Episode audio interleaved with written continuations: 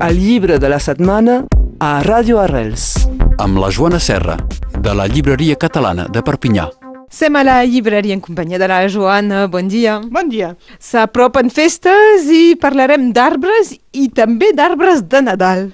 Exacte, volia fer un tema de temàtica d'arbres i com que s'apropa Nadal, n'hi ha un que, que és evidentment eh, sobre el petit eh, arbre de Nadal, el petit avet. El que volia destacar avui és que cada vegada més hi ha llibres infantils que són eh, llibres d'art, quasi llibres objectes que mm, tenen un aspecte visual molt important que a la ràdio no podem transmetre, però que realment són molt bonics i que fan coses eh, realment excepcionals per la mainada.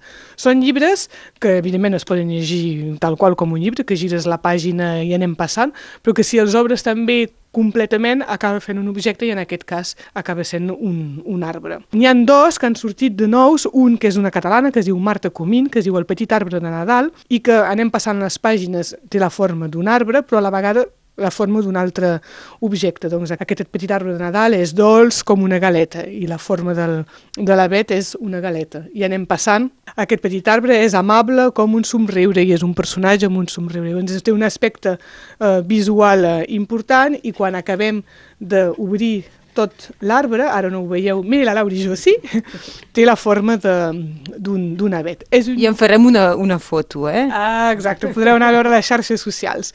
El petit arbre de Nadal és un llibre publicat per l'editorial Combel, d'una autora catalana que es diu Marta Comín, que fa molts llibres d'art per la mainada, de fet. Ella sempre il·lustra els seus textos de manera que es pugui treballar l'art, les formes i els colors eh, per als més petits de, de, de la casa o per, per maternals, per exemple. I el segon, que és, és una petita perla, no és un llibre publicat en català, però és un llibre que no té text, i com que es diu arbre i que en català es diu arbre... I és el mateix sistema. I és el mateix sistema, i aquest és francament preciós, és una francesa que es diu Amandine Laprune, és publicat a Actes Sud Junior, i és un llibre doncs, que no té text, on anem passant les pàgines i van passant les estacions eh, de l'any amb doncs, l'arbre que es va transformant en funció de la temporada que sem, i hi ha petits objectes, petits personatges que van apareixent. És molt mòbil, de fet, molt eh, en moviment, hi ha papallones, hi ha ocells que apareixen, hi ha un cargol, hi ha op, unes sandàlies que són d'una un, nina que ha pujat perquè resulta que és un cirerer i llavors... Eh, a la temporada de cireres dona eh, ganes. Exactament. Després les cireres que queden són els ocells que se'l mengen. Bo, és, se pot fer tota una història a l'entorn d'aquest arbre, no té text, hi ha moltes pàgines, és realment un llibre preciós i quan l'obres totalment... El... És un arbre en tres dimensions. És un arbre exactament en tres dimensions. Com diuen en francès, c'est un petit bijou, a mi m'agrada molt.